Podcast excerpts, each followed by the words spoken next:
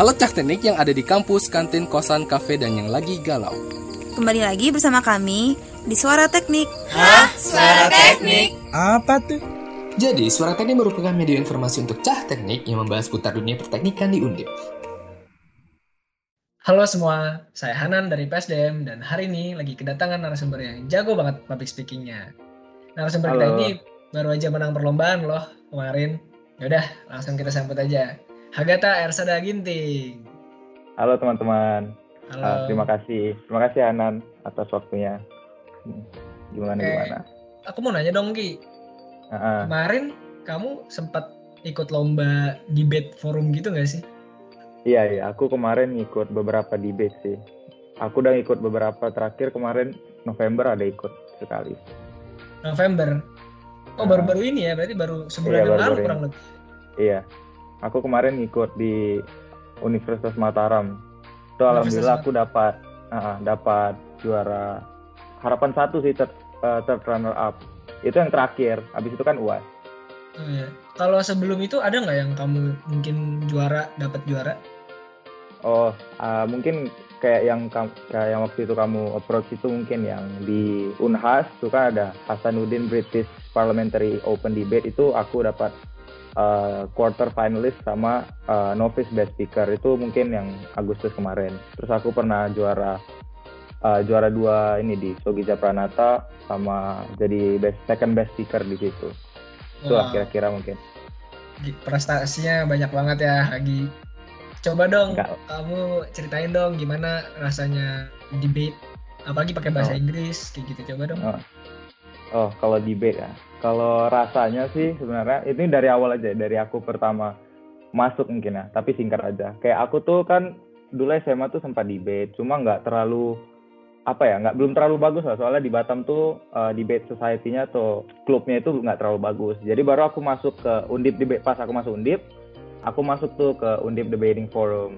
Nah itu baru di situ aku mulai belajar. Ya pengalamannya sih ya awal-awalnya pasti serem gitu kan. Soalnya kan kita pakai bahasa yang bukan bahasa utama kita. Tapi aku uh, memberanikan diri aja sih, karena kan di situ kan banyak uh, apa mas-mas, mbak-mbak yang bagus-bagus. Ya yang penting itu sebenarnya uh, rajin latihan, berani, sama berani, berani bertanya, berani ikut lomba gitu sih. Baru habis itu aku setelah kayak gagal berapa kali ya, aku banyak gagal juga sebenarnya. Kalau dihitung dari SMA, setelah kayak 10, 11 kali gagal, baru aku pertama kali dapat juara itu Juli kemarin di Unika Sogija Pranata dapat juara dua sama second best speaker. Baru the rest ya yang kita bicarakan tadi prestasi tadi beberapa darinya kayak gitu. Oke. Berarti butuh perjuangan banget ya baru bisa sampai ke, ke kejuaraan seperti itu. Baru bisa Iya, dapat juara tuh butuh waktu lah ya. Iya butuh waktu. Benar-benar banget, benar banget. Eh, Nggak ada untuk- yang instan. Untuk untuk lombanya sendiri eh, kamu itu online kah atau ada Oh. gimana gitu?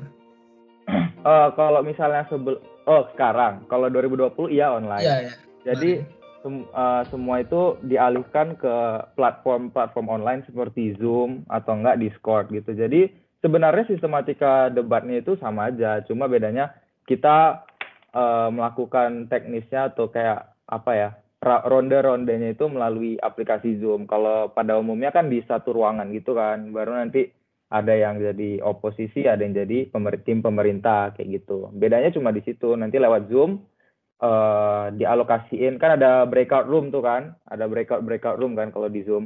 Nanti dialokasiin ke chamber masing-masing habis itu debat gitu aja bedanya. Tapi kalau untuk eh, yang lainnya semuanya sama aja. Topiknya, waktunya semua sama gitu. Bedanya cuma di platformnya doang. Tapi bagus sih, soalnya murah jadinya. Kalau misalnya nggak online kan kita kan harus ke Jogja misalnya kan, harus bayar uang tiket, uang apa, uang makan. Kalau di sini nyaman gitu di rumah aja, cuma bayar uang regis kayak internet ya kuota kan 50.000 ribu kayak gitu sih. Oke oke berarti eh, untuk teknisnya masih menggunakan online karena corona ini ya. Iya benar-benar. Ya, tapi tidak menutup kemungkinan bahwa eh, debate itu harus terjadi atau perlombaan itu di, eh, di cancel itu. Jadi tetap harus ada meskipun online. Iya, mereka uh, mikirnya lewat Zoom aja deh, masa nggak ada kayak gitu. Komunitas-komunitasnya pada buat kayak gitu. Dikti kan juga kemarin buat NUDC-nya tetap jalan tuh lewat Zoom online. Oke. Oke, makasih banget untuk pengalaman uh, perlombaannya ya Hagi. Nah, Iya. kenapa aku ngangkat perlo uh, pengalaman perlombaan kamu itu karena cocok banget nih sama tema hari ini. Temanya Hmm. adalah public speaking.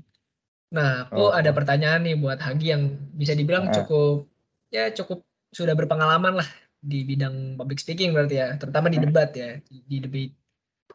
Oke, Mhm. eh, pertanyaannya itu menurut Hagi sendiri apa sih Heeh. public speaking itu secara umum in general? Oke. Kalau in general kayak public speaking itu uh, kegiatan menyampaikan pesan, ide atau gagasan di hadapan sebuah audiens gitu. Yang mana penyampaian informasi tersebut bersifat menghibur, uh, menjelaskan atau mempengaruhi audiens tersebut. Itu sih kalau simpelnya. Yang penting ada kamu, ada topik, sama ada sekelompok orang yang ingin kamu sampaikan topik tersebut itu udah termasuk public speaking kalau definisinya. Kalau tingkatannya kan ada yang dari memimpin rapat, ada yang dari uh, pidato, debate, model United Nations gitu. Tapi uh, essence-nya intinya tetap ada kamu, ada yang mau kamu bicarakan sama ada kelompok orang yang jadi audiens kamu gitu. Oke, nah menurut penjelasan kamu sendiri kan kalau public speaking itu ya kasarnya itu berbicara di depan banyak orang lah. Seperti itu kan. Mm-mm. Nah, Mm-mm. kalau menurut kamu sendiri, misalkan kamu udah ngomong di depan tapi omongan kamu itu ditangkapnya tidak semuanya. Menurut kamu itu masih public speaking kah atau itu public speaking yang bisa dibilang gagal?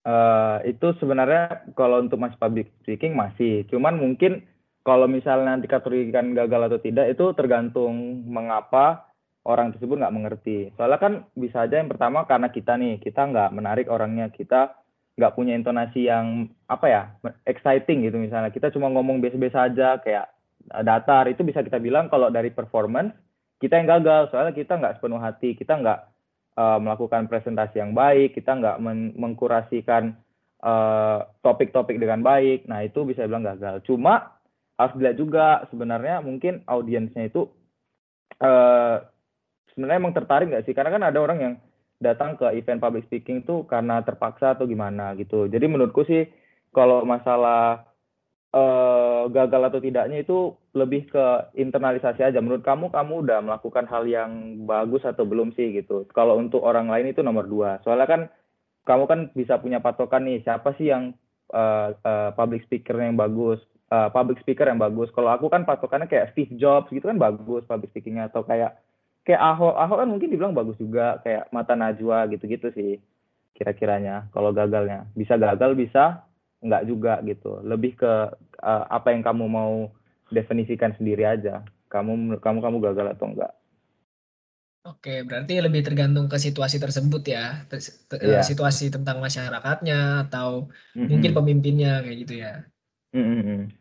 Oke, terus aku mau nanya lagi nih, menurut kamu penting gak sih buat semua orang tuh bisa public speaking? Oh, Oke, ini konteksnya kita masih kuliah atau gimana? Eh, konteksnya di masyarakat aja, mungkin bisa Oh.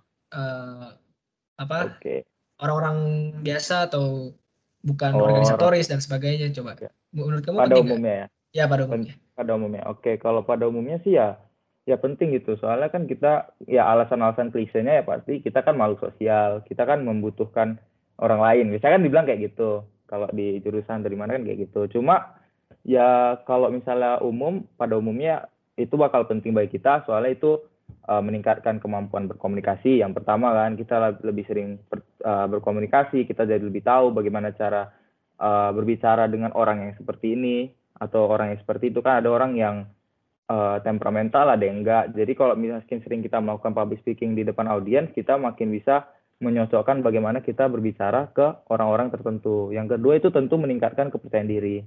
Soalnya kepercayaan diri itu bukan sesuatu yang kita dilahirkan, tapi dengan kita sering dengan public speaking gitu dari hal-hal yang simple seperti di focus group discussion itu akan meningkatkan kepercayaan diri uh, diri seseorang.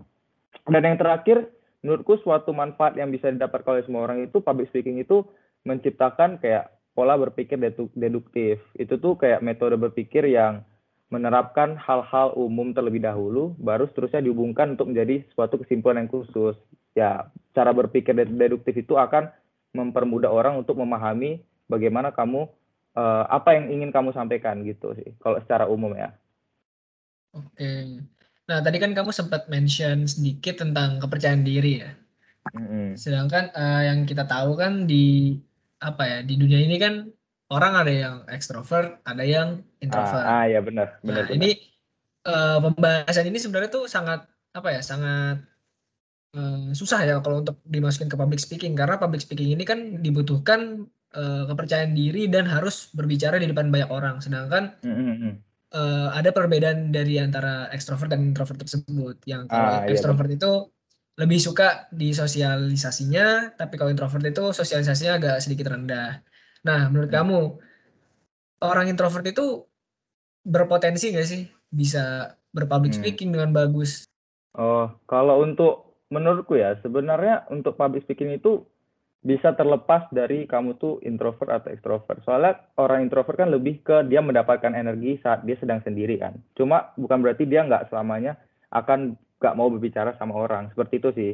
Tapi terus kalau untuk masalah bakat untuk public speaking itu nggak nggak ada yang uh, bakat sih sebenarnya. Itu semua banyak latihan. Aku tuh pernah baca nih uh, sebenarnya kenapa orang ekstrovert lebih mudah uh, melakukan public speaking itu? Karena sebenarnya dia lebih sering bertemu sama orang gitu loh jadi manusia ini kita itu kayak dari proses evolusi kita kita tuh dulu tuh paling takut sama yang namanya fear of rejection. Pasti tahu kan ya, kayak kalau misalnya kita mau public speaking kan pasti kita ngerasa kayak keringat dingin, kita takut kayak ditolak gitu kan sama orang atau orang ngerasa kayak yang kita bicarakan ini uh, meh gitu atau nggak bagus gitu kan. Nah, itu tuh sebenarnya uh, suatu rasa takut yang udah termanifestasi sejak dulu dahulu. Soalnya pas zaman dahulu itu kita kan uh, belum tinggal di situasi yang sekondusif saat ini kan.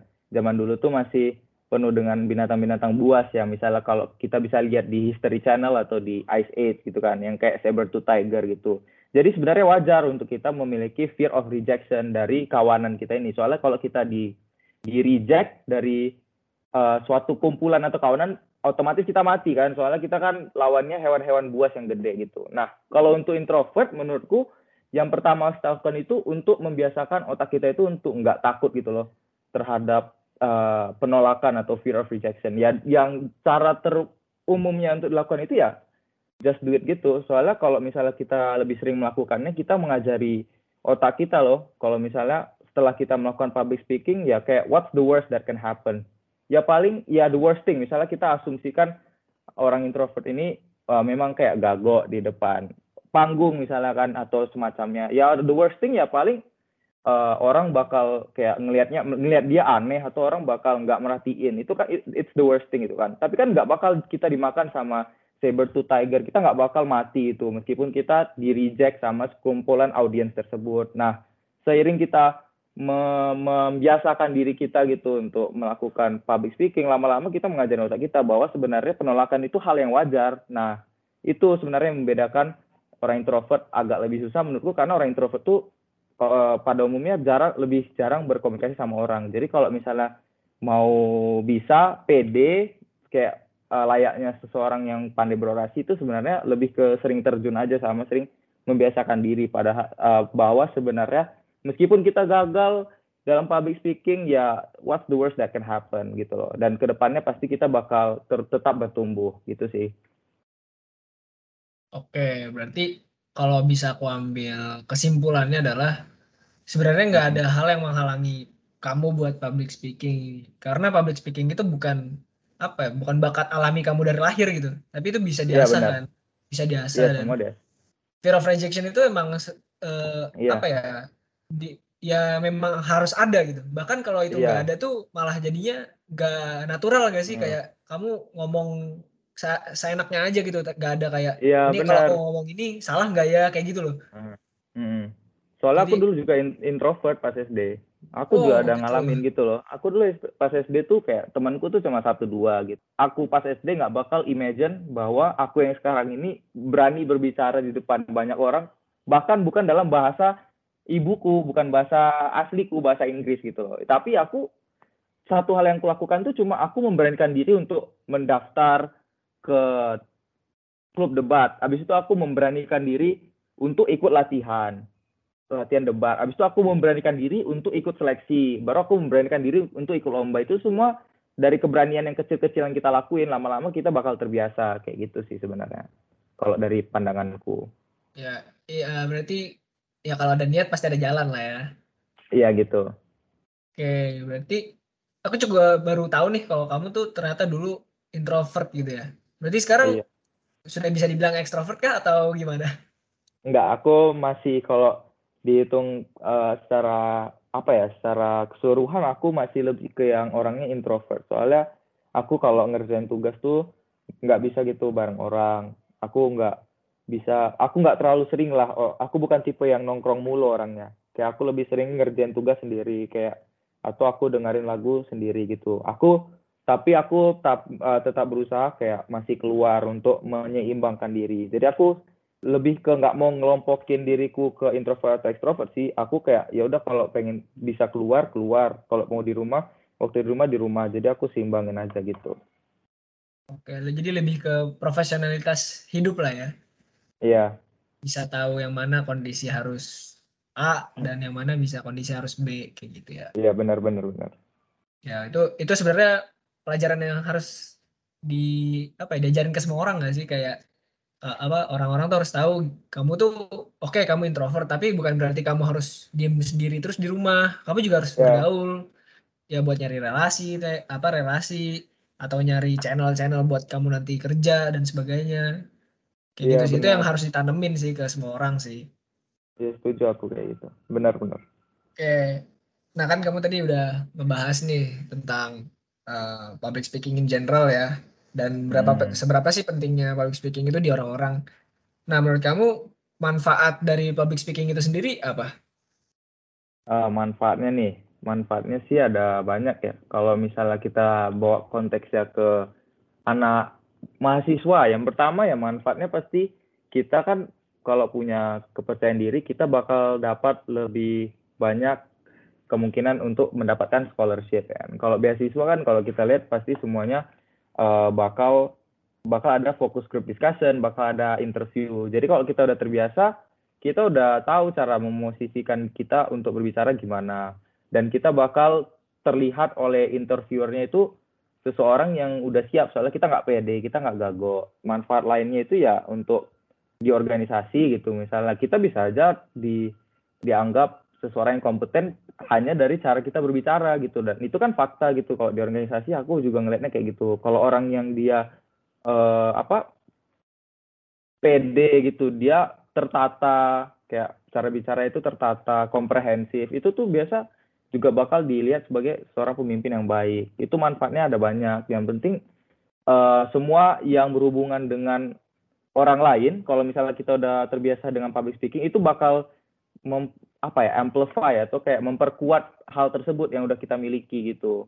Kayaknya gitu sih kalau untuk konteksnya mahasiswa. Oke, Eh, aku juga pernah baca sih di suatu artikel kalau kata-kata itu bisa memanipulasi orang. Ah, benar. Itu yang biasa aku belajar di debat, di debat sih, kayak persuasiveness gitu kan.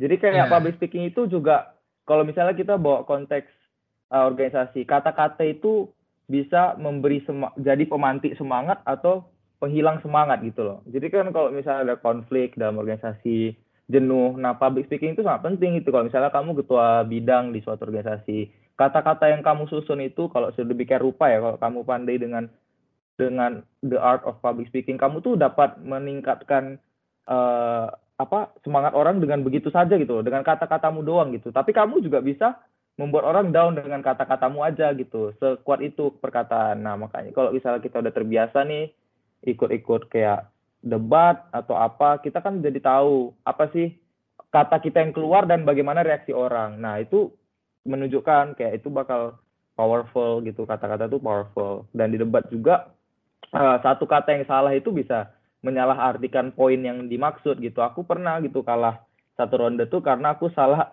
salah nyebutin kata gitu. Kayak aku lupa ini katanya apa gitu. Aku malah nyebut kata yang lain.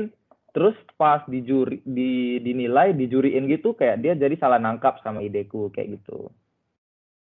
Iya benar. Jadi saking powerfulnya itu tuh bisa sampai orang tuh, eh, orang tuh bisa ter- termanipulasi gitu dengan kata-kata yang kita Iya. kasih Bener bahkan banget kita, tuh, ya iya. bahkan kita tanpa bersuara pun orang bisa termani- termanipulasi dengan ya mungkin catatan kita atau mungkin kata eh, tulisan-tulisan kita kayak gitu kan. Esai kita ya kan, karena Ah, dari iya. esai kita juga, karya kita. Iya bener, orang bisa nangis gara-gara karya kita. Orang bisa jadi semangat karena mungkin karena esai kita atau mungkin tweet kita yang inspiratif gitu. Itu kan juga rangkaian perkataan dari eh, misalnya kita untuk buat esai kan juga apa ya? Secara langsung itu dipengaruhi dari kemampuan public speaking karena kan esensinya public speaking itu kayak membacakan esai kita gitu, cuma dia secara oral gitu kan. Medianya kan oral lewat mulut, bukan lewat kertas kayak gitu. Iya, berarti public speaking itu benar-benar bermain sama kata, nggak sih? Iya benar-benar. Ya, main kata juga sih. Medianya aja bukan kertas tapi lewat Iya, lewat tapi mulut. lewat ya betul. Mm. Kayak misalkan lagi demo supaya Hmm. membangkitkan semangat harus Hmm. di dengan kata-kata yang bermo- apa memotivasi. Hmm. Ya bahkan Kita ya, lihat eh, bahkan gimana? kalau misalkan kamu ikut eh, seminar gitu ya, seminar tentang motivasi apalah, pasti kayak sehari dua hari setelah seminar itu tuh masih ada rasa-rasa kayak ih pengen kayak gini nih, misalkan kayak eh, seminar akademik gitu ya, misalkan IP kalian kenapa kecil, kok kan bisa gede dengan cara gini-gini. Pasti kalian tuh eh, kayak sehari dua hari tuh masih ngikutin apa yang disarankan sama eh, apa eh, yang pembicaranya enggak sih? Iya, apalagi kalau dia eh, nge apa sih kayak delivernya itu artikulasinya bagus, dia menggebu-gebu gitu, kayak istilahnya dia passionate gitu tentang apa yang dia bicarakan, menarik. Itu pasti bakal ngena ke kita dari cara dari bukan hanya apa yang dia bicarakan, tapi bagaimana dia membicarakan hal tersebut dari artikulasi, dari into- intonasi, penempatan kapan jeda, kapan enggak, itu juga sangat berpengaruh gitu terhadap mood kita. Dan itu bakal apa ya, bakal lengket lama gitu loh istilahnya. Itu bakal lengket lebih lama gitu daripada kayak cuma baca buku gitu. Kadang gitu sih kalau dari aku aku kal- kalau orasi seminar tuh lebih lengket gitu. Apalagi kalau pembicaranya itu eh, kayak yang profesional atau yang memang niat gitu. Iya, betul banget sih. Terus eh, aku nanya lagi nih. Tadi kan kamu udah sempat nyinggung-nyinggung public speaking dalam debat ya. Tapi Mm-mm. sebenarnya ada nggak sih perbedaan yang signifikan antara public speaking in general sama debat sendiri? Apakah itu termasuk cabang yang berbeda atau masih cabang yang sama namun dalam topik yang berbeda? Hmm. Jadi sebenarnya debate itu sama aja dengan eh, speech ya, pidato. Itu pada umumnya tuh debate itu sebenarnya speech tapi digunakan dalam ajang perlombaan tertentu. Nah, kalau perbedaan lainnya, aku jadi eh, membedakan lombanya aja ya nih, cabang lomba itu yang paling mudah. Kalau misalnya speech, dia itu apa preparasinya eh preparasi preparation atau kayak persiapannya itu biasa bisa sehari seminggu misal biasanya pada umumnya alurnya itu nanti dikasih topik eh, baru pas jadi finalis ada topik lagi tapi biasa dikasih bakal kasih satu sampai dua hari gitu kan nah bedanya sama pidato itu eh kok pidato sorry sorry sama debate debate itu kita cuma punya waktu 15 menit loh untuk mempersiapkan eh, pidato speech dalam bahasa Inggris tentang topik yang da- datangnya 15 menit sebelum debat itu mulai gitu. Jadi topiknya itu bisa luas banget sih. Kalau misalnya dari pengalaman aku debate nih, topiknya itu enggak bahkan lebih sering bukan topik yang mengenai kita anak teknik engineering itu jarang banget. Biasanya itu malah ekonomi, international relations, filsafat kayak gitu-gitu biasa yang sering.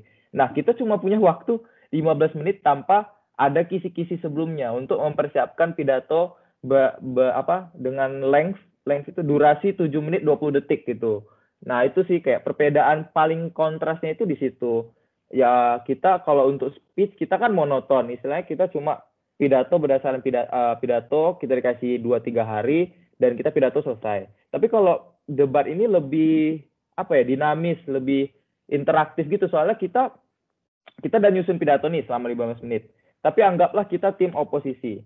Berarti kan kita harus dengarkan tim pemerintah dulu kan, tim government, mereka ini bawa apa, baru kita harus sesuaikan eh, pidato kita ini untuk apa sih menyanggah rebuttal gitu, menyanggah dari lawan. Jadi kayak kalau perbedaannya lebih intens debat sih menurutku ya, karena kita punya prep prep waktu yang sangat sedikit dan untuk me, apa mendeliver kayak eh, speech-speech yang komprehensif gitu. Itu bedanya di situ sih lebih ke eh, dinamika di dalam debatnya sama topiknya itu persiapannya berapa lama. Tapi untuk sisanya sebenarnya dua-duanya sama-sama speech. Cuma kalau debat itu speech yang digunakan untuk suatu lomba tertentu dengan tujuannya itu untuk mempersuasi juri. Kayak gitu sih kayaknya kalau untuk bedanya. Public speaking in general gitu. Oke, mungkin kalau kesimpulan yang enaknya tuh lebih kayak kalau pidato itu speech itu lebih ke apa ya kata-kata yang dicantikan lah kayak intonasinya hmm. harus bagus uh, deliverynya harus bener dan apa ya biasanya kan kalau pidato-pidato gitu kan kayak dia ngomongnya tuh diindah-indahin kayak gitu gak sih iya benar kalau kalau debat itu kan bener-bener yang frontal dan apa ya keras lah iya pokoknya ya di debat itu istilahnya uh, kita tuh mas main logika gitu mana yang uh, penjelasannya lebih logis untuk memenangkan hati juri istilahnya gitu. Kalau masalah pidato, pidato kan nggak selalu harus melawan seseorang gitu. Pidato tuh ya uh, khusus kayak ini opiniku gitu. Tapi kalau di debat kita ngasih opiniku, tapi kita harus bilang kenapa opini dia itu salah atau nggak relevan dibanding opini yang kami berikan gitu. Ya benar kayak lebih uh, apa ya lebih banyak yang dilakukan sih di, di, di debat gitu dan nggak banyak nggak sebanyak persuas persuasivenessnya nggak sebanyak pidato seperti yang kamu bilang ya dan baik lagi yang tadi aku bilang kalau kata-kata itu bisa memanipulasi orang gitu kan. Mm-hmm, benar. Skill itu harus banget harus banget dipakai kalau lagi debat sih emang. Oke uh, kamu sendiri ikut organisasi gitu nggak sih Agi? Aku ikut. Aku ada beberapa sih organisasi. Organisasi uh, apa aja tuh? oke okay, yang pertama aku uh, forum studi teknik. Tahu lah ya kan? Oh, aku FST ya FST. ya FST aku bidang edukasi itu yang biasanya ngatur kemampuan bahasa Inggris sama iklim berdiskusi di FST. Yang kedua aku di Undip Debating Forum, aku sekarang kayak ketua bidang training sama kompetisi kayak training sama kompetisi. Jadi kayak aku kalau di Undip Debating Forum itu yang uh, kerjanya itu ngatur kualitas sumber daya manusianya gitu. Apakah debater 2020 tuh bakal bagus atau enggak atau gimana gitu. Intinya aku yang monitor sama ngasih fasil jadi fasilitator untuk uh, member-member UKM UDF ini untuk apa uh, mengembangkan diri mereka gitu. Aku juga ini sih uh, aku juga wakil ketua paguyuban Batam Semarang sih. Udah sih, kayaknya cuma tiga itu. Terus uh, berarti ini kan kamu masuk semester mau masuk semester 4 ya udah kelar UAS ya? Iya benar. Oke, mungkin agak mereda dari public speaking dulu. Aku kemarin hmm. sempat lihat nih di pos-posan BMFT, kamu habis menang di UI ya? Oh iya, kok tahu aja sih? Iya, ya, aku kan ngecek-ngecek aja gitu. Coba dong Jadi itu malu. lomba apa sih? Mungkin bisa diceritain. Oh, oke okay, oke. Okay. Yang terakhir, ini lomba yang aku menangin terakhir. Oh ini lucu storynya. Pokoknya aku tuh pas sebelum aku jelasin lombanya apa, ada cerita lucu dikit sih. Apa bentar aja. Jadi kan pengumuman aku tuh pengumuman lomba di UI ini itu tuh kan tanggal 28. Nah, pas seminarnya itu aku tuh lagi lomba debat yang aku bilang aku menang juara empat itu runner up eh third runner up nah jadi aku tuh di spam mulu sama teman-temanku kayak aku bilang kan udahlah weh aku nggak ikut ya pas oh, closing ceremony kita nggak bakal menang juga kok aku bilang gitu. Lawannya U UGE eh ITB gitu misalnya. Kita lawannya ITB semua aku bilang gitu kan. Jadi aku tuh lagi lagi lagi debat kan. Baru kayak di spam mulu padahal aku lagi pidato gitu lagi pidato kayak gini. Jadi kan keganggu gitu kan. Jadi aku terpaksa silent gitu. Baru pas udah selesai aku ngeliat uh rupanya aku juara satu gitu kan kata temanku dari tek tek. Jadi akhirnya yang lucunya itu aku kalah di ronde itu karena aku nggak nggak ini ya nggak fokus gitu kan di, di telepon teleponin kan aku nggak bisa nggak sempat gitu istilahnya matiin HP padahal aku lagi fokus ke kertasku apa yang kutulis jadi aku kalah di ronde itu. Tapi pas aku udah ngeliat aku malah menang di lomba ini gitu. Tapi aku kalahnya di ronde tersebut doang. Baru aku kaget gitu. Terus aku nggak ikut foto dokumentasinya. Nggak tahu sih lucu atau nggak. Tapi menurutku kayak lucu aja gitu. Kayak aku kalah satu ronde.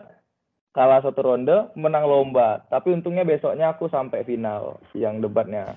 Oke, berarti balik, balik ini ya. Habis itu balik ke uh, ke debat yang itu ya.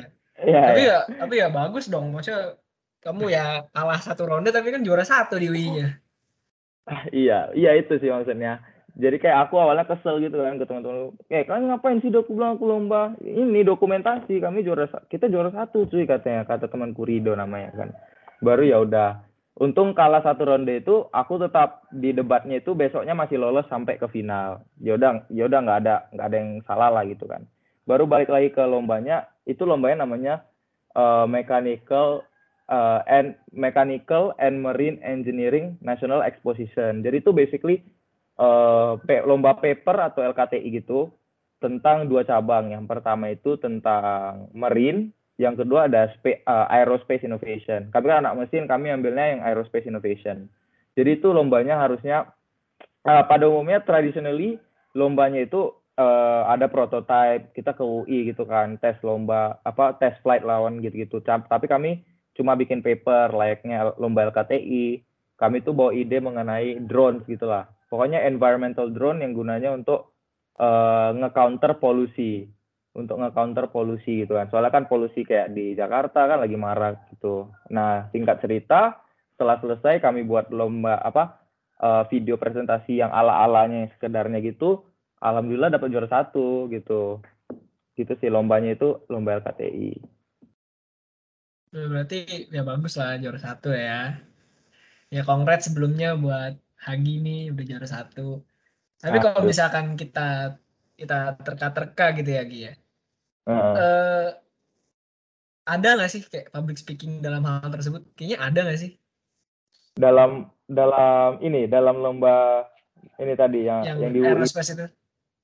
Oh ya ada soalnya kan kami bikin ini bikin bikin, bikin AKTI video ya, presentasi. Ya. oh, ya, video presentasi yang, juga yang paling maraknya paling jelas nih skill public speaking kita dipakai itu pas kita ini bikin video presentasi yang durasi 15 menit. Jadi kan aku kan sebelumnya bisa dibilang udah lumayan tahu lah gimana cara buat public speaking, kayak bagaimana cara membuat ide kita ini simple untuk dimengerti juri kan. Jadi aku tuh udah tahu kayak slide-nya itu harus gimana apa nggak usah banyak kata-kata misalnya atau desainnya bakal kayak mana, alurnya kayak mana terus aku siapin teman-temanku nih skripnya ya guys kayak kalau bisa uh, jangan kayak baca gitu istilahnya atau enggak kita luas aja gitu santai. Pokoknya aku yang kayak bantu koordinir alurnya gitu. Dan itu memang berpengaruh gitu soalnya video video penilaian tuh juga 20 25 persen kan lumayan gitu kan. Dan pengalaman itu yang membuat kayak kami tuh bisa saling bantu untuk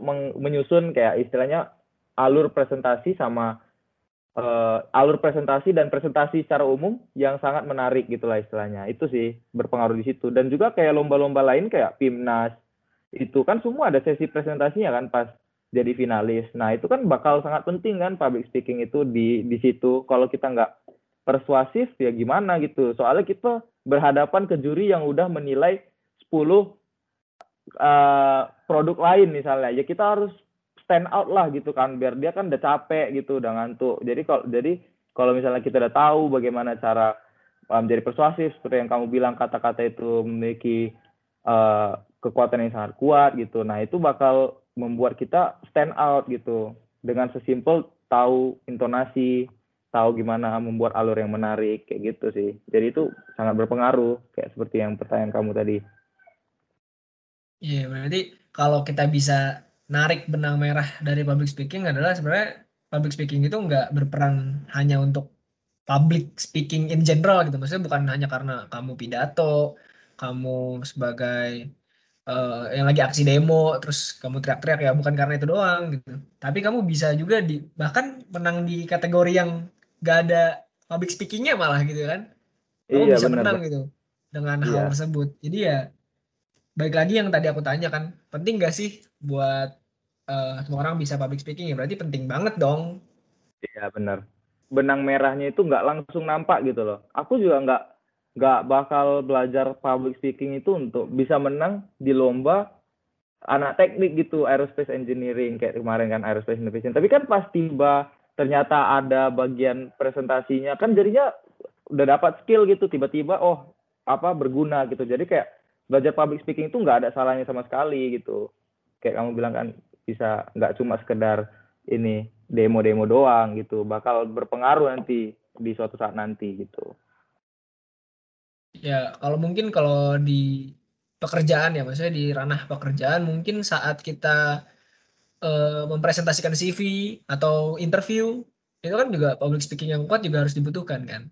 Demi iya benar. membuat lawan bicara tuh yakin sama kita iya benar soalnya juga interviewernya kan udah jumpa banyak orang gitu kan dia udah istilahnya dia udah nge-interview 10 orang, 12 orang, pasti kan capek gitu kan. Jadi kita harus bisa stand out gitulah dengan skill public speaking kita. Itu kayak gitu. Kalau aku nengoknya, mikirnya gitu. Oke. Mungkin uh, kita kan udah ngejabarin nih. Kamu sih bukan aku, kamu yang udah ngejabarin tentang public speaking ya udah ngejabarin manfaatnya, pentingkah, dan in general tuh kamu udah ngejabarin semua. Nah, mungkin aku ada terakhir nih. Uh, kamu ada nggak tips and trick buat orang-orang nih biar bisa public speakingnya dengan baik dan benar? Oh, oke okay, oke. Okay. Aku ada beberapa sih. Yang pertama yang udah kita diskusiin tebel-tebel nih. Yang pertama itu kan yang kita bilang jangan takut ya kan.